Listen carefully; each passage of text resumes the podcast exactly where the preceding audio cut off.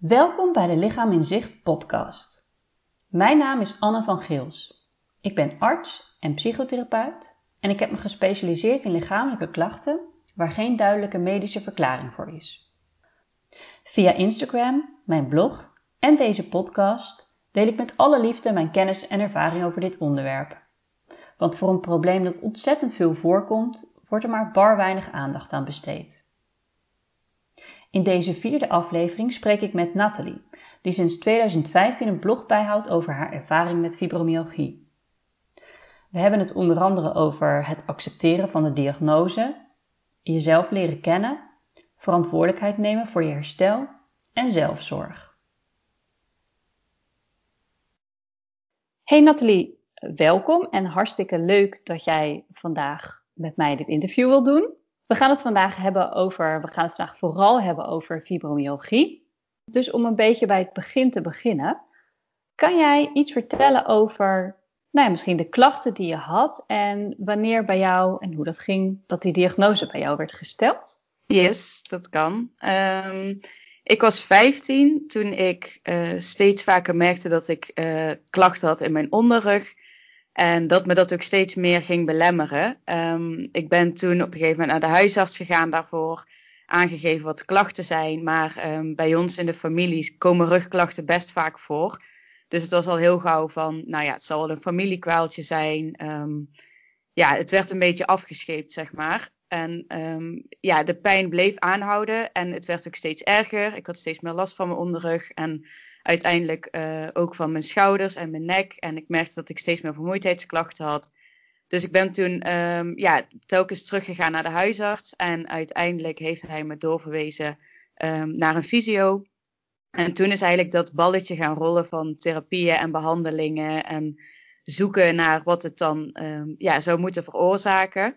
Mm-hmm. Dus um, ja, bij de fysio was het uiteindelijk van, nou ja goed, we kunnen jou niet verder helpen, de klachten verminderen niet, dus ik wil je graag doorverwijzen. Um, en ja, toen ben ik uh, echt bij heel veel verschillende therapeuten en behandelaren geweest. Uh, en eigenlijk was het telkens hetzelfde van, ja, ik kan je niet helpen, dus um, ja, zoek maar weer iets anders. En toen ben ik uh, telkens ook weer teruggegaan naar de huisarts om daar weer te overleggen. En die vond het allemaal maar lastig, want ja, er was niks te zien. En ze konden niet verklaren wat de pijn zou moeten veroorzaken. En toen ben ik um, vier jaar later, toen ik 19 was, ben ik uiteindelijk een uh, revalidatietraject gaan volgen van twee maanden ongeveer. Um, daar ging ik twee dagdelen per week naartoe voor fysiotherapie, ergotherapie. Uh, ik praatte met een psycholoog en met een maatschappelijk werker. En daar heeft de maatschappelijk werker tegen mij gezegd dat het fibromyalgie zou zijn. Ik dacht toen dat ik de diagnose daar had gekregen, maar ja, dat bleek dat die dat helemaal niet had mogen zeggen. Dus um, ik ben toen een paar jaar later nog bij de reumatoloog geweest. En die heeft uh, uiteindelijk inderdaad bevestigd dat het fibromyalgie was. Mm-hmm. Dus um, ja, er heeft zeker wel vijf, zes jaar tussen gezeten. Tussen dat de pijnklachten begonnen en dat ik uiteindelijk de diagnose kreeg. Ja, dus het begon met jou, het begon bij jou eigenlijk vooral met klachten in je rug. En je was echt nog heel jong toen. Ja, klopt. Ja, en dat was ook wel het ding. En ook bij de huisarts was van, hey, je zit in de puberteit, er gebeurt van alles in je lichaam, het zit in de familie. Dus ja, er werd eigenlijk heel luchtig over gedaan van, nou ja, hè, kijk maar, het gaat wel weer over. Maar ja, dat, uh, dat was dus niet het geval. Nee, dus voelde misschien voor jou ook alsof dat niet helemaal serieus genomen werd. Want het klinkt alsof jij er toch echt behoorlijk veel last van had. Ja, klopt. En het was ook wel heel erg lastig. En ja, weet je, zeker je zit in de puberteit. En ja, dat maakt natuurlijk ook dat je overal tegenaan schopt en het leven gewoon wat, wat zwaarder ziet. Tenminste, ik wel toen. Mm-hmm. um, en je, ja, je wil gewoon meedoen zoals iedereen. Je wil zoals je leeftijdsgenoten van alles kunnen. Terwijl ik steeds vaker merkte dat ik ja, bepaalde dingen gewoon niet kon. Of dat het me gewoon heel veel meer energie kostte. En ja, dan kom je eigenlijk ook wel in een strijd met jezelf. En ja, dat je echt zegt van, hè, ik, ik wil ook gewoon van alles kunnen. En waarom kan ik dat niet? En ja. ja, ik vocht heel erg tegen de klachten, want ik wilde er helemaal niks van weten. Ik wilde gewoon mijn leven leven zoals ik altijd deed eigenlijk. Hè. Ik wilde geen aanpassingen maken, want dat was alleen maar stom. En mijn lichaam moest gewoon normaal functioneren. En ik vond dat er maar een dokter moest zijn die het op zou kunnen lossen. Dus ja, dat was best wel een, uh, een pittige periode, ja. Nou ja, want ik denk dat die, gedachtes, hè, die gedachtegang, zoals je dat nu zo opnoemt, dat dat voor heel veel mensen herkenbaar is. Maar zeker als je een puber bent, kan ik me dat heel goed indenken. Ja, dat was niet makkelijk inderdaad. hey, en dan zeg jij ook van, dus je ging naar de huisarts, je ging naar de fysio, je probeerde van alles, hè, zoeken naar wat is nou de oorzaak, hoe kom ik er vanaf. Maar overal was eigenlijk telkens de conclusie van, ja, ik kan je niet verder helpen. Hoe, mhm. hoe was dat dan voor jou?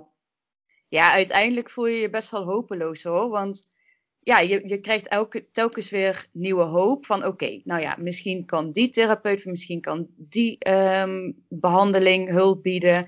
Telkens vestig je daar weer je hoop op, want het enige wat je wil op zo'n moment is van die klachten afkomen. En ja. ja. als er dan een therapeut zegt van nou ja goed, ik kan je niet helpen, maar ik verwijs je graag door naar die en die, dan denk je toch oké, nou ja, dan moet het daar wel lukken. Dan moet daar wel iets um, ja, gebeuren wat de klachten in ieder geval vermindert.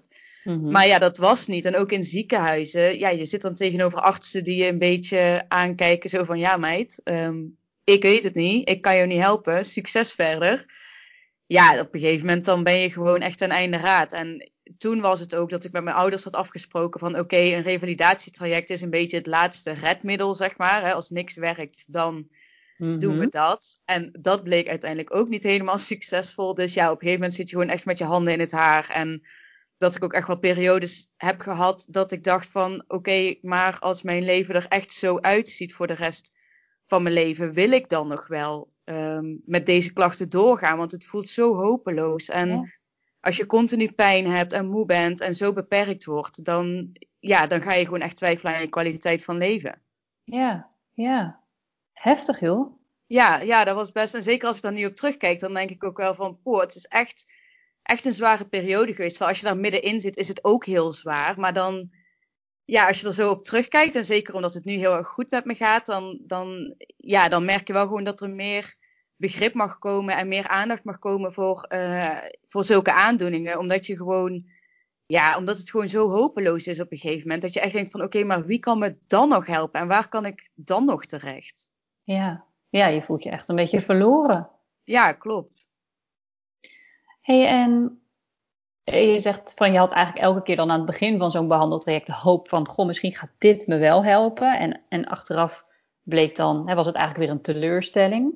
Mm want het had je niet van je klachten afgeholpen. Maar um, die behandelingen, zoals bij de fysiotherapeut of uh, bij de, het revalidatietraject, zijn er bepaalde dingen die je daar wel uithaalt of die wel hielpen? Jazeker. Ik heb um, bij de fysio heb ik destijds uh, oefeningen gekregen en een aantal daarvan die doe ik nu nog steeds. Oké. Okay. En um, ja, bij een revalidatietraject is het gewoon, uh, juist omdat het zo intensief is, is het heel erg leerzaam om um, ja, gewoon te kijken van oké, okay, wat kan ik wel en waar kan ik op letten en hoe kan ik ervoor zorgen dat ik mijn energie beter verdeel. Dus er zijn zeker wel dingen geweest ja, waar ik nu nog steeds wel baat bij heb. Of die me destijds in ieder geval geholpen hebben. Mm-hmm. Maar dan, um, ja, dan was het vooral op, ja, gericht op tijdelijke verlichting. En ja, nu vind ik dat prima. Maar toen, ja, toen wilde ik gewoon van de klachten af. En als je dan een beetje verlichting hebt, dan neem je daar geen genoegen mee. Nee, het was eigenlijk niet waar jij naar op zoek was. Nee, precies. Het was niet voldoende of zo. Je zoekt toch naar ja, een oplossing. Ja, ja hey, dus um, op een gegeven moment kreeg jij dan de diagnose fibromyalgie. Ja. Um, maakte dat voor jou eigenlijk nog veel uit? Want um, je had natuurlijk al vele jaren had je klachten. Eerst rugklachten, toen breidde zich dat uit. Vielen er voor jou puzzelstukjes op hun plek toen je die diagnose kreeg? Of had je zoiets van, ja, wat, wat heb ik hier aan? Ja, op zich vond ik het wel heel prettig, omdat je eindelijk bepaalde bevestiging krijgt van oké, het is toch iets. Want ja, zolang dat het geen, uh, geen naam heeft, zeg maar, dan zit je toch nog heel erg met: oké, stel ik me dan niet aan en ervaar ik deze klachten echt? Je gaat best wel aan jezelf twijfelen. Ja. Dus op het moment dat er dan zo'n reumatoloog zegt van: oké, je hebt fibromyalgie, dan is het wel heel erg prettig dat je eindelijk weet van: oké, ik ben niet gek. En ja ja, je krijgt ook bepaalde bevestiging. En ja, dat vond ik wel heel erg prettig. Ondanks dat je tegelijkertijd weet van oké, um, ik heb fibromyalgie, maar er is weinig wat je daar aan kan doen. Ja, ja, dus het is vooral eigenlijk het stukje nou, erkenning misschien wel. Um, hey, en hoe ging het toen verder? Want je had dus dat revalidatietraject gevolgd, je kreeg die diagnose. En toen? Um, ja, toen ben ik eigenlijk. Um, ik heb nog wel wat therapieën gevolgd, maar ik heb uiteindelijk ook wel een. ja, het besef gehad van: oké, als dit is hoe ik, ja, hoe ik mijn leven lang door moet brengen, dan kan ik misschien maar beter kijken naar hoe ik mijn leven zo goed mogelijk in kan delen. En hè, ermee om kan leren gaan. In plaats van dat ik continu er tegenaan blijf schoppen en het eigenlijk alleen maar erger maakt. En dat besef heeft er bij mij wel voor gezorgd dat ik zoetjes aan aan mijn mindset ben gaan werken. Dat ik me ging verdiepen in persoonlijke ontwikkeling. En ja, dat maakt het voor mij uiteindelijk ook wel wat makkelijker. Omdat ik toen stapje voor stapje steeds dichter bij acceptatie kwam omdat ik ging inzien van oké, um, als ik dingen wil doen, maar het lukt niet zoals ik het wil doen, hoe kan ik er dan voor zorgen dat het me wel gaat lukken? Dus ja, ik ben steeds meer mezelf eigenlijk gaan trainen om te denken in mogelijkheden, om positiever te blijven. En um, ja, dat is alsnog een proces van jaren geweest. Maar dat, dat heeft er uiteindelijk wel voor gezorgd dat ik um, ja, op het punt ben gekomen waar ik nu ben. Dat de klachten me eigenlijk niet meer heel erg belemmeren. En dat ik mijn leven vorm kan geven op een manier die gewoon echt bij me past. Ja, want uiteindelijk is dat contrast tussen, denk ik, hoe jij destijds um, erbij zat, wou ik zeggen, een beetje raar uitdrukking maar hoe, hoe jij destijds voelde, hoeveel klachten jij destijds had en hoe beperkt je daardoor was. En um, nou ja, wat ik dan nu van jou zie, hoe het nu met jou gaat, is dat wel een enorm verschil. Ja, ja, er is echt een hele grote shift geweest. En ja ik ben um, mensen die mij al langer volgen, die, die ja, zullen het misschien niet helemaal kunnen begrijpen. Maar ik ben vroeger altijd super pessimistisch geweest. Ik stond heel zwaar in het leven. Ik was echt heel negatief. En dat heb ik echt, echt weten te shiften. Ik, ik heb nu een hele positieve mindset. Ik ben heel erg gericht op mogelijkheden. En um, ja, ik durf ook gewoon heel erg naar mezelf te kijken. En ja, dat heeft er echt wel voor gezorgd dat ik nu gewoon veel makkelijker door het leven kan gaan. En veel minder beperkt word. En dat is wel dat is ook precies de reden dat ik mijn blog begonnen ben. Dat ik zoiets heb van oké, dit moeten meer mensen weten. Want je, ja, er zijn misschien heel weinig um, artsen en, en therapeuten en zo die je kunnen helpen. Maar zelf kun je zo enorm veel. En doordat ik dat ben gaan ervaren, is er echt heel veel veranderd. Ja, precies. Dus wat ik, wat ik ook wel um, nou ja, goed vind dat jij ook heel duidelijk maakt, is dat het is niet alsof je zeg maar van de ene op de andere dag een knop omzet en dat je leven totaal anders is. Hè? Dat is een heel proces geweest. Ja, klopt. Maar het begon er dus eigenlijk allemaal mee dat jij, nou, toch misschien wel een beetje besloten hebt van, ik ga hier niet langer tegen vechten of me niet langer afzetten, maar ik ga vooral kijken naar wat ik nog wel kan. Ja, ja, klopt. Ja, en toen is het nog wel een, een lang proces geweest, want um, uiteindelijk wist ik het wel. Van oké, ik heb zelf heel veel in de hand en ik zal zelf rekening moeten houden met wat wel en niet kan. Um, maar weten en iets in de praktijk brengen zijn twee heel mhm. verschillende dingen. Mm um, dus ik heb in, uh, in 2016 heb ik uiteindelijk nog een burn-out gehad. En toen is bij mij echt die knop omgegaan van oké, zo kan het gewoon niet meer. Want ik realiseerde me heel erg dat ik in een burn-out was geraakt. Omdat ik nog steeds moeite had met nee zeggen. Omdat ik nog steeds mijn grenzen niet aangaf. Omdat ik geen hulp wilde vragen. En ik, ja, ik voelde me verantwoordelijk voor alles en iedereen. Dus op het werk ja, merkte ik ook heel vaak van oké, ik kan niet meer. Maar als ik dan zag dat er nog dingen moesten gebeuren die niemand oppakte, dan had ik toch zoiets van ja, als ik het niet doe, doet niemand het. Dus ja, dan doe je het uiteindelijk toch maar. En ja, toen ik thuis kwam te zitten met een burn-out, toen ben ik wel echt gaan realiseren van oké, ik moet echt dingen anders aan gaan pakken, want ik heb mezelf dit gewoon aangedaan. En toen heb ik uiteindelijk ook twee jaar lang coaching gevolgd. En um, ja, daar ben ik wel tot heel veel inzichten gekomen met uh, hoe ik de dingen die ik al wist ook echt in de praktijk uh, kon gaan brengen. Ja, ja. Want vaak is dat natuurlijk zo, hè, dat je misschien wel bepaalde dingen verstandelijk wel weet of weet van jezelf. Maar ja, het gevoel wat er dan bij komt kijken kan soms zo sterk zijn dat het alsnog heel moeilijk is om dat dan in de praktijk te brengen. Ja, klopt. Ja. En, en jij noemt net zo'n aantal dingen op die ik veel hoor van mensen met dit soort klachten. Um, en als ik het een beetje zo overkoepelend samenvat, heeft het ook wel heel erg te maken met um, nou ja, je eigen grenzen kennen en respecteren misschien ook wel. Herken jij dat? Ja, heel erg. Want um, ja, het, ik wist ook vaker wel van hè, als ik iets ging doen of net als met mijn werk, dan wist ik bij sommige dingen ook wel van oké, ik kan dit niet. Maar um, tegelijkertijd struggelde ik ook nog heel erg met ja, maar ik wil het wel kunnen. Mm -hmm. Dus ik wilde me heel erg bewijzen. En toen dacht ik dat ik me wilde bewijzen tegenover anderen. Maar dat wilde ik vooral tegenover mezelf. Ik wilde zo graag gewoon een normaal leven kunnen hebben. En hè, kunnen functioneren zoals iedereen deed. Dat ik daardoor ook ja, mijn grenzen niet respecteerde. En dacht van, nou ja, ik weet wel dat het eigenlijk te zwaar is. Maar daar wil ik nu niet aan toegeven. Mm. En vervolgens dan word je boos en verdrietig. Omdat je weer heel veel klachten hebt. Terwijl ik dondergoed wist van ja, als ik gewoon mijn grenzen zou aangeven, dan zou dat niet gebeuren. Maar dat is super confronterend. En dat heb ik echt wel moeten leren om gewoon heel dicht bij mezelf te blijven. En vooral te realiseren van oké, als ik mijn grenzen wel aangeef, dan is mijn leven gewoon een stuk aangenamer. En dan kan ik uiteindelijk veel meer. Ja, ja. Maar wat moeilijk zeg, want ja, je wordt er eigenlijk meteen voor afgestraft hè, als je het niet doet. Mm -hmm. Terwijl het zo, ja, terwijl ik het zo voorstelbaar vind, vooral als je nog heel jong bent, hè, zeker als je dus 15 bent, maar ook als je, weet ik veel, begin 20 bent of zo, uh, en je ziet wat anderen allemaal doen en kunnen, ja, dan is dat toch een beetje waar je je aan afmeet. Ja, ja, zeker. En jij noemde ook um, net al even, uh, weet je, de reden van waaruit jij je blog begonnen bent. Ja. Um, want kan je een beetje vertellen, hoe lang is dat geleden dat je daar weer begonnen bent en, en hoe was dat idee ontstaan? Um, ik ben ermee begonnen eind 2015 en um, dat idee is eigenlijk uh, geopperd door mijn vriend. Want die zat al langer in, uh, in, in, het online ondernemen en die zei op een gegeven moment tegen mij van hey, is het niks voor jou om een blog te beginnen uh, waar je jouw verhaal gaat delen over leven met fibromyalgie? En in het begin voelde ik heel veel weerstand. Want ik dacht vooral, het eerste wat ik ook zei was ja, um, oké, okay, maar zeker niet onder mijn eigen naam. Want ik vond het heel erg uh, lastig, het idee dat collega's, familie, oud-klasgenoten, dat iedereen in één keer mijn verhaal zou kunnen lezen. Dat vond ik mm. echt, ja, dat idee, nee, ik, ik was er nog helemaal niet klaar voor.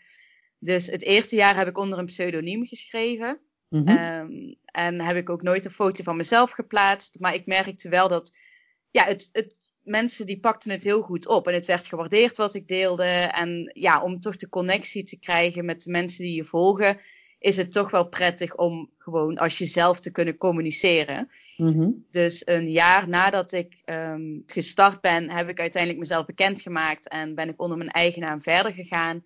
En het doel is eigenlijk altijd geweest, um, toen ik voor het eerst van fibromyalgie hoorde, ik ik kende het helemaal niet. Mm-hmm. En toen ik het op ging zoeken, toen werd ik eigenlijk echt gebombardeerd met negatieve verhalen en, en ja, allemaal berichten waar je gewoon bang van werd. Dat ik echt zoiets van, oh nee, is dit hoe mijn leven eruit gaat zien? Terwijl ik uiteindelijk ben gaan ervaren van ja, het hoeft helemaal niet zo'n rampscenario te zijn. Als je zelf maar bereid bent om um, ja, aan jezelf te gaan werken en om het anders te bekijken. En toen had ik zoiets van oké, okay, als er nu mensen zijn die de diagnose fibromyalgie krijgen en op internet gaan zoeken, dan hoop ik echt dat ze op mijn blog terechtgekomen en dat ze ook kunnen lezen van oké, okay, het hoeft dus niet het einde te zijn als je de diagnose ja. krijgt. En om ook te laten zien van als zij het kan, dan kan ik het ook. Dus ik wil mensen heel graag ja, mijn verhaal laten lezen, zodat ze gewoon wat meer vertrouwen krijgen. En ook om ze praktische tips te geven en mijn ervaring te delen, zodat anderen ja, minder lang over dat hele proces hoeven te doen dan ik heb gedaan. Mm, ja, ik denk dat dat hartstikke behulpzaam is. Want ik ben het met jou eens dat uh, hè, wat je leest beïnvloedt natuurlijk ontzettend ja, wat je verwachtingen zijn. En dat beïnvloedt vervolgens ook, denk ik, hoe je, ja, hoe je erin staat en hoe je er zelf mee omgaat. En het is natuurlijk niet heel hoopvol als je alleen maar horrorscenario's leest en uh, uh, nou ja, een beetje zo van hier, hier houd je leven op. Nee, precies. Nee, en dat maakt mij ook echt wel bang. En ja, je, je, als dat de enige verhalen zijn die je leest, dan lijkt dat ook gewoon de realiteit te zijn. Ja. En dan ga je er ook van uit dat dat is hoe het uiteindelijk gaat lopen. Ja. ja, en als je dat leest terwijl je 19 bent, daar word je echt niet blij van, nee. Nee, nee. Hey, en vertel eens even, want jij uh, je zei van, ik vond het eerst nog wel moeilijk misschien om. Het, ik kan me voorstellen dat het wel heel kwetsbaar voelt. Dat je deelt ja. iets heel persoonlijks van jezelf. Um, en, en als de hele wereld dat, inclusief iedereen die je kent, dat kan lezen, behoorlijk spannend. Maar na een jaar heb je dus dat wel, hè, wel, je, wel, wel je identiteit bekendgemaakt, om het zo maar te zeggen. Ja. Hoe, hoe was dat uh, op dat moment en hoe reageerde jouw omgeving daarop?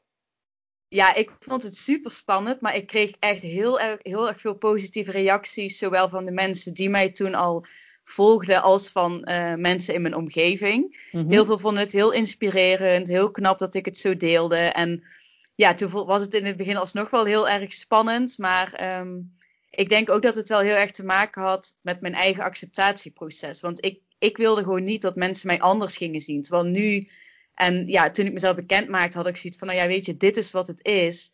En ik wil dit doen uh, met een doel. Dus ik heb dat doel eigenlijk ook wel een beetje um, als leidraad gezien. Dus iets gehad van oké, okay, als ik echt mensen wil helpen, dan hoort het erbij om mezelf te laten zien.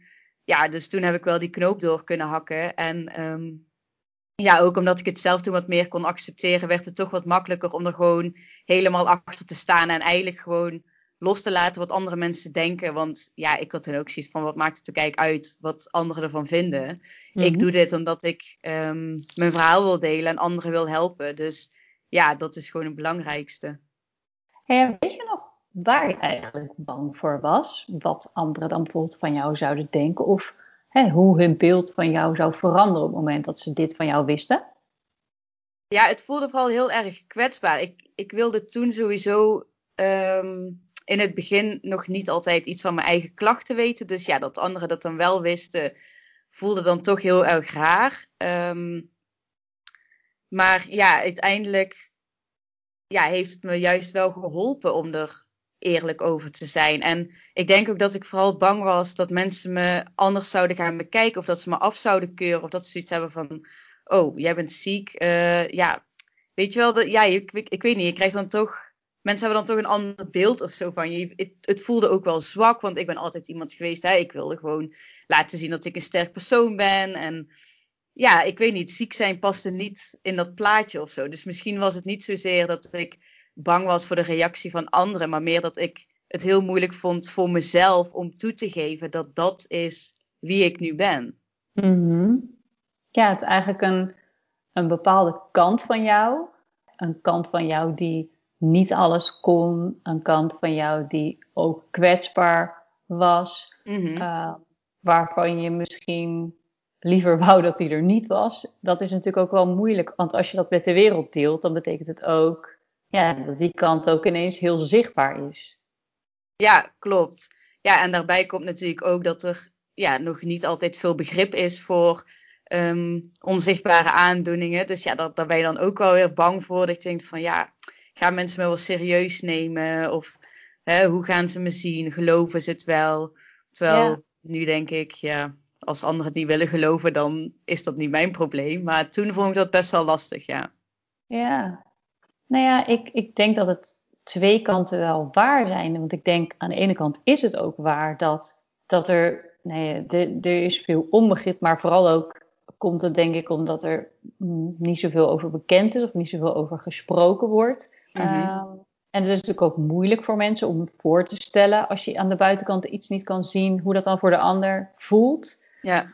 Um, maar aan de andere kant is mijn ervaring ook alweer dat soms als je dan daadwerkelijk um, ergens openheid over geeft of iets vertelt, dat de reacties van anderen eigenlijk reuze meevallen. Dat het ook een beetje je eigen idee is over wat dat zegt over jou. Hè? Bijvoorbeeld wat het zegt over jou dat je fibromyalgie hebt, wat het zegt over jou dat je misschien bijvoorbeeld niet fulltime kan werken of dat je iets anders niet kan.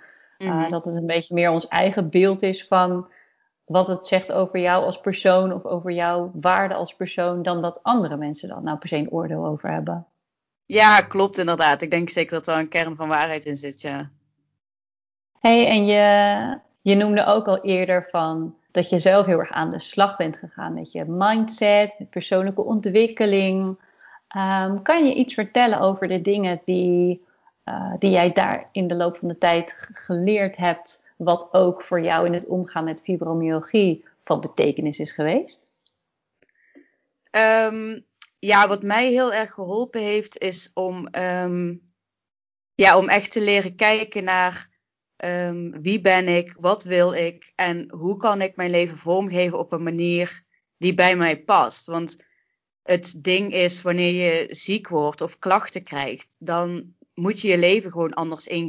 Terwijl in het begin wil je dat helemaal niet, want je wil gewoon je oude leven terug en doorgaan op de manier zoals je altijd deed. Terwijl toen ik op een gegeven moment ging realiseren um, ja, dat je dingen ook kunt doen als je het op een andere manier inricht, maakte dat voor mij ook een stuk makkelijker om um, fibromyalgie niet meer zozeer als last te zien, maar als iets wat mij waarschuwt van hé, hey, tot zover kun je gaan. Mm -hmm. En dan is het gewoon tijd om even rust te nemen. En dus ik heb eigenlijk een, um, een gezondere relatie opgebouwd met, ja, met fibromyalgie, met, met de klachten die ik heb. Door het niet continu um, weg te stoppen of er tegenaan te schoppen, maar juist te kijken van oké, okay, wat wil het me vertellen en uh, wat kan ik hiermee? Want ik heb nu geleerd dat, dat de lichamelijke klachten ontstaan omdat je um, op een bepaalde manier leeft die niet bij je past, of omdat je bepaalde overtuigingen hebt die niet kloppen, of omdat je vindt dat je op een bepaalde manier moet leven die eigenlijk helemaal niet geschikt voor je is. Dus nu kan ik de klachten veel meer zien als leidraad. En weet ik bijvoorbeeld ook dat als ik meer pijnklachten heb, dat ik echt wel even bewust mag zijn van oké, maar wat heb ik dan gedaan dat ervoor gezorgd is dat die pijn is toegenomen is? Of bijvoorbeeld ook van um, zit ik in een stressmodus, ben ik veel aan het piekeren? Dus het is voor mij nu veel meer een signaal geworden waar ik op terug kan vallen en wat me juist helpt. En ja, dat heeft er wel voor gezorgd dat ik fibromyalgie niet meer echt als vijand zie, maar meer als iets wat mij wil beschermen en, en wat me juist heel erg bewust maakt. Dus ja, doordat ik aan mijn mindset ben gaan werken, met persoonlijke ontwikkeling bezig ben gegaan, heb ik ten eerste mezelf veel beter leren kennen. Heb ik veel be beter uh, ja, geleerd wat ik wil en wat daadwerkelijk bij me past. Maar ook om keuzes te maken die gewoon voor mij veel beter zijn en die beter bij me passen. Dus ja, mindset is natuurlijk een heel breed begrip. Maar ja, ik denk dat voor mij het belangrijkste is dat ik het nu kan zien als signaal en er gewoon met liefde mee omga. En ook zonder weerstand rust kan nemen of een afspraak afzeg of uh, bij een activiteit halverwege zeg van hé hey jongens, ik stop ermee, want het is gewoon genoeg. En ja, dat maakt het wel dat ik nu ten eerste veel minder klachten heb, maar ook dat ik gewoon veel beter in mijn vel zit en ja, veel minder weerstand voel. Ja, ja. Goh, wat een, uh, ja, klinkt echt als een enorme verandering als je dat zo allemaal achter elkaar vertelt. Ja, heel erg. Gelukkig wel. Ja, ja. Ja, en ik vind dat ook, uh, ik, ik zie dat zelf ook uh, wel zo, hè, dat, um, nou ja, dat je klachten ook kan bekijken als, als een soort van signaal. En in plaats van dat je, wat onze eerste ingeving vaak is, meteen gaat denken van, oké, okay, hoe krijg ik dit zo snel mogelijk weg? En uh, ik wil dit niet. Dat je meer gaat kijken naar, ja, wat heeft dit me eigenlijk te vertellen? Ja. En dat is iets wat jij dus in de loop van de jaren eigenlijk heel goed hebt geleerd. Ja, klopt inderdaad. Ja, want ik merk zelf, hè, als je pijn hebt of moe bent, dan kan je twee dingen doen. Of je negeert het en je gaat er dwars doorheen. Met als gevolg dat je bijvoorbeeld drie dagen op bed moet liggen in plaats van een middag. Of je hebt gelijk zoiets van: oké, ik heb deze klachten, ik sta hierbij stil, wat heb ik nu nodig? En als je daar meteen op anticipeert, dan merk je ook dat de klachten gewoon veel minder lang aanhouden, omdat je gelijk ja, gaat doen wat goed voor je is. En, en dat heeft mij wel heel erg laten inzien van hé, hey, ik kan beter meteen reageren en doen wat goed voor me is, dan dat ik het ga negeren en uiteindelijk veel langer last heb van de klachten. En ja, uiteindelijk maakte dat voor mij wel makkelijker om echt naar mijn lichaam te luisteren, omdat ik steeds meer ging merken van het werkt in mijn voordeel als ik doe wat ik nodig heb. Ja, ja. Hey, en um, wat jij nu vertelt heeft natuurlijk ja, ook te maken met ja, wat, wat altijd zo vaag uh, genoemd wordt, luisteren naar je lichaam. Ja. Hè? Maar eigenlijk is dat wel waar het om gaat. Hè? Dat, ja. je, dat je eigenlijk de signalen van je lichaam serieus neemt en ook doet wat eigenlijk nodig is uh, om je weer goed te voelen. Ja. Um, en je noemde eerder ook al, al dingen als hè, meer keuzes maken die echt bij jou passen. En nou, misschien ook wel um, meer trouw zijn aan jezelf of zo. Mm -hmm. um, kan jij iets vertellen over nou, keuzes bijvoorbeeld die jij nu in je leven hebt gemaakt, of hoe jij nu je leven hebt ingericht, en hoe dat dan bijvoorbeeld anders is dan nou, toen jij bijvoorbeeld net die klachten had? Um, ja, de grootste keuze die ik denk gemaakt dat was tijdens mijn burn-out. Toen mijn contract niet verlengd werd. Ik werkte in de gehandicaptenzorg uh, als activiteitsbegeleider. En um, toen mijn contract niet verlengd was, toen realiseerde ik me van oké, ik kan of nu opnieuw in de gehandicaptenzorg gaan werken. Of ik ga met mijn blog aan de slag, zodat ik daar gewoon mijn eigen bedrijf van kan maken. Uh, ik werd namelijk ook steeds vaker gevraagd om teksten te schrijven voor andere websites. Dus toen ben ik me eigenlijk daarop gaan focussen. Dus hè, ik heb ja, mijn hele werksituatie gewoon omgegooid. Omdat ik wist van als ik vanuit huis kan werken. Dan heb ik ook veel meer momenten dat ik mijn rust kan nemen tussendoor. Dan kan ik s'morgens uitslapen als ik merk dat ik een slechte nacht heb gehad. Dan kan ik veel beter inspelen op wat ik nodig heb dan dat je bijvoorbeeld voor een werkgever werkt. Dus um, ja, sinds 2017 werk ik vanuit huis. Dus dat is voor mij echt wel een keuze geweest die mij heel erg geholpen heeft om veel beter te kunnen luisteren naar mijn lichaam. Maar bijvoorbeeld ook um, als ik een weekplanning heb en ik ga bijvoorbeeld op uh, maandag een middag naar een vriendin toe. En dinsdag krijg ik een berichtje van een andere vriendin van hey, heb je tijd vandaag? Dan weet ik dat ik dat niet moet doen. Want twee sociale afspraken achter elkaar, dat kost me gewoon te veel energie. Dus um, daar probeer ik altijd rekening mee te houden dat ik ja, wel voldoende tijd inplan voor mezelf. En ook gewoon ervoor zorg dat ik voldoende rustmomenten kan nemen. En hetzelfde is bijvoorbeeld met, uh, met mijn werk. Dat ik maar een x aantal taken op een dag heb. Omdat ik anders weet dat ik gewoon overprikkeld raak. Dat ik te lang zit en daardoor pijnklachten krijg ja, het, zijn, het zit hem vaak ook wel in de kleine dingen. Want ook bijvoorbeeld koken kost me veel energie aan het einde van de dag. Dus zorg ik ervoor dat ik smiddags alvast het eten helemaal voorbereid. Zodat ik s'avonds alleen nog maar de maaltijd hoef te bereiden. En that's it. Ja, dat ik dus in de dagelijkse dingen echt ben gaan kijken van oké, waar heb ik het meeste moeite mee? En hoe kan ik ervoor zorgen ja, dat ik dat gewoon makkelijker maak voor mezelf. Door dus ja, keuzes te maken die voor mij gewoon beter passen. Zo merk ik bijvoorbeeld dat ik s'morgens de meeste energie en focus heb. Dus ga ik s'avonds op tijd naar bed, zodat ik s'morgens eerder op kan staan. Zodat ik die tijd s'morgens uh, goed kan benutten om vol concentratie uh, met mijn bedrijf bezig te zijn. Dus ja, het zit hem in grotere dingen, maar ook echt wel in de hele kleine dagelijkse dingen. Door te kijken van ja, wat, wat heb ik nodig en hoe kan ik ervoor zorgen dat mijn dag gewoon zo goed mogelijk verloopt. Ja, en het klinkt ook alsof door jezelf beter te kennen of te leren kennen, dat stelt je ook in staat om je leven in te richten, zodat je het jezelf eigenlijk zo makkelijk mogelijk kan maken en zodat het voor jezelf zo fijn mogelijk is. Ja, ja, klopt. Want ik heb bijvoorbeeld ook ervaren dat ik uh, in het buitenland, in Portugal, dat ik me daar lichamelijk veel beter voel. En uh, mijn vriend is ook online ondernemer, dus zijn we wel serieus aan het kijken van oké, hoe kunnen we ervoor zorgen dat we uh, in Portugal kunnen gaan wonen, zodat ik me daar gewoon beter voel. En dat zijn natuurlijk wel keuzes die, ja, die gewoon heel groot zijn en die heel veel impact hebben, maar waarvan ik wel zoiets heb van als dat is wat mij helpt, waardoor ik gewoon een fijner leven kan hebben, waardoor ik me meer energie ervaar, minder pijn uh, ervaar, ja, dan, dan zijn dat wel dingen waar ik gewoon echt serieus naar wil kijken, want het is mijn leven en het is al vervelend genoeg dat ik die klachten heb. Maar ik ben er wel van overtuigd dat je um, gewoon zelf heel veel invloed hebt. En als ik zie wat ik vanaf mijn vijftiende tot nu uh, al gewonnen heb. En dat ik nu kan zeggen dat ik zeker 50% minder pijnklachten heb dan toen ik 15 was. Ja, dan merk ik wel dat je zelf gewoon echt heel veel invloed hebt op hoe jij je voelt. En ik merk gewoon heel vaak als ik daar iets over deel, dat mensen toch snel zeggen van ja, maar ik heb daar geen tijd voor. Of ja, maar ik heb werk waardoor dat niet kan. Of ja, maar ik heb kinderen waardoor ik geen rust kan nemen. En ik snap dat, want heel veel dingen voelen ook um, misschien belemmerend in uh, om goed voor jezelf te zorgen. Maar tegelijkertijd denk ik van je hebt altijd keuzes en je kan altijd kijken naar hoe kan ik ervoor zorgen dat het me vandaag gewoon makkelijker afgaat. Of dat ik net die vijf minuten tijd voor mezelf kan pakken. Of ja, ik heb gewoon zo erg geleerd dat er altijd mogelijkheden zijn, zolang je daar maar naar wil kijken. En op het moment dat jij al zegt van, ja, maar dat kan ik niet, want ik heb daar geen tijd voor, dan maak jij een keuze. Dan maak je een keuze om, er, om, om ja, op dat moment niet voor jezelf te kiezen. En dan maak je de keuze om, um, om dat als jouw excuus te laten dienen. Van oké, ik kan, ik heb daar geen tijd voor, dus ik doe het niet. En het ding is ook, je brein stopt op dat moment met denken, want jij bepaalt al dat het niet gaat. Dus jouw brein gaat ook niet verder denken naar mogelijkheden om het wel haalbaar te maken.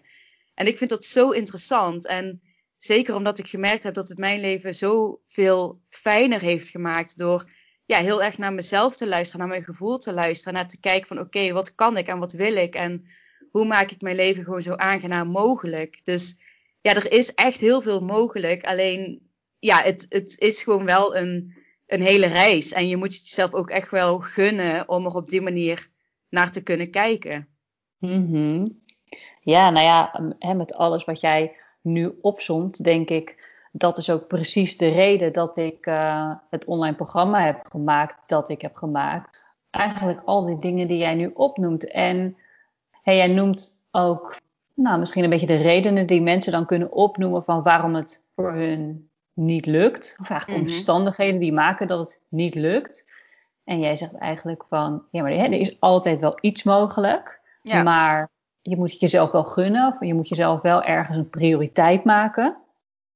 En nou was nog wel even benieuwd, want jij vertelde ook dat um, in die periode dat jij een burn-out had, dat je het ook wel heel lastig vond om, nou, dat jij je heel verantwoordelijk voelde en dat je het ook wel lastig vond om goed voor jezelf te zijn. Hoe, hoe is dat bij jou gegaan? Want um, van zeg maar hoe je er nu naar kijkt in hoe je daar toen in stond. Hoe is het jou gelukt om zeg maar wel jezelf uh, een prioriteit te maken? Ja, ik denk vooral um, doordat mijn burn-out ook gewoon een heel intensief uh, proces is geweest, waardoor ik echt wel heel erg dicht bij mezelf ben gekomen. Maar ik heb in die tijd ook twee jaar lang coaching gevolgd, um, waar echt heel erg gekeken werd naar, um, ja, wie ben je als persoon? Wat, waardoor laat jij je tegenhouden? Welke beperkte overtuigingen heb je? En daardoor ben ik wel steeds meer gaan inzien dat ik degene ben die mijn leven kan maken of breken, om het zo maar te zeggen. Mm-hmm. Um, en ook omdat ik steeds meer in de praktijk ging werken, dat, of ging merken dat bepaalde overtuigingen die ik heb gewoon niet klopten. Want ik heb bijvoorbeeld altijd heel veel moeite gehad met het vragen van hulp. Mm-hmm. Dus deed ik het niet. Maar ik had ook de overtuiging van, ja, mijn vriend zit daar toch niet op te wachten als ik hem hier uh, voor vraag. Of Um, mijn moeder kwam toen bijvoorbeeld uh, één keer per twee weken poetsen bij ons toen ik een burn-out had. Dat ik in het begin ook van ja, maar zij heeft er toch helemaal geen tijd voor of helemaal geen zin in. Terwijl als ik mijn vriend vroeg van hey, zou je dit voor mij kunnen doen of zou je dit willen doen, dan was het oh ja hoor, prima. Dat ik in het begin echt dacht van wow, hij doet dat gewoon. Hij, heeft daar helemaal, hij vindt dat helemaal niet erg. En ik was daar echt om verbaasd. Dus doordat ik steeds meer ging merken dat bepaalde overtuigingen niks met anderen te maken had maar vooral met mezelf. Toen ben ik echt gaan inzien van hé, hey, de wereld is helemaal niet zo boos als ik denk, maar dat, dat is mijn invulling. Ik ga ervan uit dat een ander het vervelend vindt als ik hulp vraag. Maar dat, dat klopte niet. Dus ja, dat zijn wel situaties waardoor ik ging merken van oké, uh, het, het kan dus wel. En toen ik ging merken hoe fijn het eigenlijk is om hulp te krijgen en hoe fijn het is om tijd voor jezelf te nemen, ja, toen werd het wel steeds makkelijker om dat vaker te doen. Maar het zijn vaak gewoon bepaalde overtuigingen die je hebt in combinatie met, ja, je wil de controle niet afgeven, want je hebt het altijd zelf gedaan, dus je wil het zelf blijven doen. Het is confronterend om iemand om hulp te vragen of je grenzen aan te geven, omdat je daarmee letterlijk zegt, ik kan het niet. Mm-hmm. Dus ja, het is echt wel een samenloop van omstandigheden. En ik denk dat het heel interessant is om, om dat voor jezelf eens na te gaan van, oké, waarom heb ik moeite met mijn grenzen aangeven? Of waarom heb ik moeite met hulp vragen? Of waarom vind ik het moeilijk om mezelf prioriteit te maken? Want het, het gaat vaak niet om het ding op zich. Hulp vragen is niet moeilijk, maar er zit iets achter waarom dat het moeilijk is. En als je dat weet, dan kun je op heel veel verschillende vlakken um, ja, dat eigenlijk herstellen. Want eh, een bepaalde overtuiging kan het en moeilijk maken om hulp te vragen en moeilijk maken om uh, je grenzen aan te geven. Dus ja, dat zijn bepaalde overtuigingen en waar je zelf gewoon heel erg mee kan belemmeren. En als je dat eenmaal ziet en als je daar eenmaal mee aan de slag gaat, ja, dan valt er gewoon echt enorm veel te winnen. Omdat je dan door die, um, door die blokkades uh, ja, eigenlijk te leren herkennen en door die overtuigingen te leren om te buigen, ja, wordt het uiteindelijk gewoon steeds makkelijker om dicht bij jezelf te blijven. En om gewoon te doen wat voor jou het beste is. Omdat je realiseert dat dat is wat je mag doen. En dat goed voor jezelf zorgen niet egoïstisch is. Of niet stom is of zwak is. Maar dat het gewoon iets is wat je moet doen. En ik zeg niet vaak dat je dingen moet doen, maar goed voor jezelf zorgen. Ja, dat denk ik echt van dat. Dat is het enige wat je jezelf verplicht bent. Want als jij lekker in je vel zit en als jij je goed voelt, dan is het ook makkelijker om bij anderen aan te geven ehm, ja, wat jouw behoeftes zijn en wat je uh, eventueel van hun nodig hebt. Ja, dus dat is eigenlijk essentieel, hè? Ja, ja, zeker. Ja, maar met wat jij nu zo vertelt, om jezelf meer bewust te worden van punten waarop je het jezelf misschien onnodig moeilijk maakt, om het zo maar te zeggen, moet je dat dus wel nou ja, onder ogen durven zien of zo. Het, het vergt denk ik ook wel moed of zo om jezelf zo onder de loep te nemen. En om ook je, nou, misschien is dat het vooral, om je, eigen aandeel te erkennen. Ja, ja, dat is super confronterend. Toen ik me in het begin realiseerde hoeveel um, ik zelf kan doen om me goed te voelen. Enerzijds had ik zoiets van: oké, super fijn. Ik kan zelf dingen doen. Maar tegelijkertijd denk je: oh man, hoe, hoe moet ik dit allemaal gaan doen dan? En waar begin ik? En ja, het is best wel confronterend. Ook als je, toen ik me op een gegeven moment ging realiseren van oké, dat ik het de eerste jaren zo moeilijk heb gehad, komt vooral door mezelf. Ja, dat, dat wil je niet. Want dan denk je echt, wauw, waarom heb ik mezelf dit aangedaan? Maar tegelijkertijd denk ik ook dat je pas op zo'n punt kan komen als je al wat meer door dat acceptatieproces heen gaat. Want als je mij had verteld toen ik 15 was, van hey Nathalie, heb je er al eens aan gedacht om um, zelf dingen te gaan proberen of om positiever te zijn? Dan had ik ook gezegd, ja, doe normaal. Mm de klachten zijn lichamelijk en ik kan daar zelf niks aan doen. Mm Dus ja, het, het, het vergt ook wel, het vergt inderdaad heel veel um, ja, moed, maar ook zeker wel dat je een, uh, ja, toch wel al verder in het acceptatieproces zal moeten zijn om die stappen te kunnen nemen of om überhaupt in te zien wat jouw aandeel zelf is in de klachten die je ervaart. Ja, het ingewikkelde daaraan vind ik ook wel dat, wat jij zegt, aan de ene kant is het wel heel hoopvol en fijn om te weten dat je zelf invloed hebt en dat je zelf dingen kan doen. Maar tegelijkertijd kan dat ook wel weer een soort van schuldgevoel met zich meebrengen of zo. Want als je dat dan dus niet doet, alsof het dan dus je eigen schuld is dat je klachten hebt of dat je ziek bent. Mm -hmm. terwijl, ja, dat, dat, terwijl dat is dus helemaal niet wat ik vind. Maar zo kunnen we onszelf dan vervolgens ook nog wel weer moeilijk maken. Door onszelf daar weer een schuldgevoel over aan te praten. Dus dat kan best wel zo'n innerlijke strijd zijn. Ja, zeker. En in het begin is dat ook super moeilijk. En ja, het is, het is gewoon heel erg lastig om daar echt bewust van te zijn. En het is echt een proces met vallen en opstaan en frustratie en verdriet. En ja, het hele rattenplan eigenlijk. Want er komt zoveel bij kijken. Maar ja, ik ben nu op een gegeven moment op een punt dat ik heel veel rust ervaar. En ik zie mezelf ook niet meer als ziek. Ik weet dat ik klachten heb en dat ik rekening moet houden met wat ik wel en niet doe en wat ik kan en niet kan. Maar um, ja, tegelijkertijd geeft het me nu heel veel rust dat ik weet dat ik zelf zoveel invloed heb. Omdat dat ook betekent dat ik er zelf voor kan zorgen dat ik me nog beter ga voelen dan dat ik nu doe. En ik kies er alsnog soms bewust voor om keihard over mijn grenzen heen te gaan. Ik bedoel, vorig jaar had mijn zus een vrijgezellenfeest. En dat zou de hele dag duren. En ik wist dat, dat dat voor mij gewoon te veel was. Maar tegelijkertijd had ik zoiets van: oké, mijn zus trouwt als het goed is maar één keer. Dus ik wil kosten wat het kost daarbij zijn. Maar ik maak die keuze dan heel bewust. En ik weet van: oké, ik ga deze dag over mijn grenzen. Ik ga hierdoor extra klachten um, ervaren. Morgen, overmorgen, vandaag al. Maar ik heb er wel heel bewust voor gekozen. En als ik dan uiteindelijk meer klachten heb en die dag erna bijna niks kan van de pijn, dan uh, vind ik dat vervelend. Maar tegelijkertijd merk ik wel dat ik dan geen weerstand heb of niet gefrustreerd ben, omdat ik dan eigenlijk gewoon met een dikke glimlach op de bank lig, omdat ik zoiets heb van ja, maar ik heb wel een super fijne dag gehad en ik weet dat ik me vervelender zou voelen als ik er die dag niet de hele dag bij was geweest, dan dat ik die dag daarna gewoon meer pijn heb, maar dat ik er wel bij heb kunnen zijn. Dus dat is iets wat ik zelf ook vaak meegeef. Van je mag best over je grenzen gaan. Zolang je, dat maar, zolang je daar maar bewust voor kiest. En weet wat de consequenties zijn. En daar dus ook je verantwoordelijkheid voor neemt. Ja, dan was het het gewoon waard. Ja, precies. Ja, ja. ja, maar dat is wel een verschil hè, tussen dat je bewust een bepaalde afweging maakt van hoe belangrijk is dit voor mij? Heb ik dat Mhm. ervoor over? Of dat je structureel over je grenzen gaat ehm, en misschien ten koste van jezelf voor dingen die niet eens zo belangrijk zijn voor jezelf, maar vooral omdat anderen dat van je verwachten of verlangen. Ja, klopt. Ja. Hey Nathalie, ehm, ik wou eigenlijk afsluiten met de vraag van, goh, is er nou een bepaalde tip of een bepaald advies wat jij anderen wil meegeven? Maar tegelijkertijd denk ik, je hebt al zoveel dingen denk ik genoemd. Ehm, is er nog zoiets wat je anderen zou willen meegeven? Nou, ik denk dat het allerbelangrijkste gewoon is om echt te blijven vertrouwen, zowel in jezelf als in je lichaam.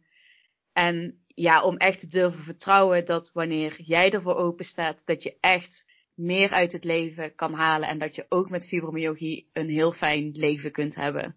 Ja, een hele hoopvolle boodschap. hey, ik wil jou uh, hartstikke bedanken voor, uh, voor het interview. Ja, graag gedaan. Misschien nog wel even goed om te noemen. Ik zal het ook even in de aantekeningen onder de podcast zetten. Maar wil je misschien even noemen waar mensen jouw uh, website kunnen vinden? Of hoe ze jou kunnen volgen? Ja, mijn website is uh. En op Facebook en Instagram ben ik ook erg actief uh, onder de naam Fibromyalgieblog. Dus um, ja, daar kun je meer over mij lezen, meer van mijn tips en ervaringen lezen. Um, ja, op mijn website zijn ondertussen al meer dan 200 artikelen. Dus uh, mocht je zelf struggelen met fibromyalgie, neem zeker even een kijkje. Ja. Er staat um, ja, van alles wat je kan helpen, van mindset tot voeding, tot praktische tips en beweging. Ik heb echt um, ja, alles wat, wat binnen mijn bereik ligt en waar ik ervaring mee heb, daar schrijf ik over. Bedankt voor het luisteren. Heb jij ook fibromyalgie of andere lichamelijke klachten zonder duidelijke medische verklaring? En vind jij het, net als Nathalie vroeger, lastig om goed voor jezelf te zorgen? Voel jij je verantwoordelijk voor alles en iedereen? Vind je het moeilijk om je grenzen aan te geven en vraag je niet snel om hulp? Dan ben jij precies degene waarvoor ik mijn online programma Jezelf op 1 heb gemaakt. Wil je daarover nu meer weten? Kijk dan even op mijn website www.lichaaminzicht.nl. Tot volgende keer!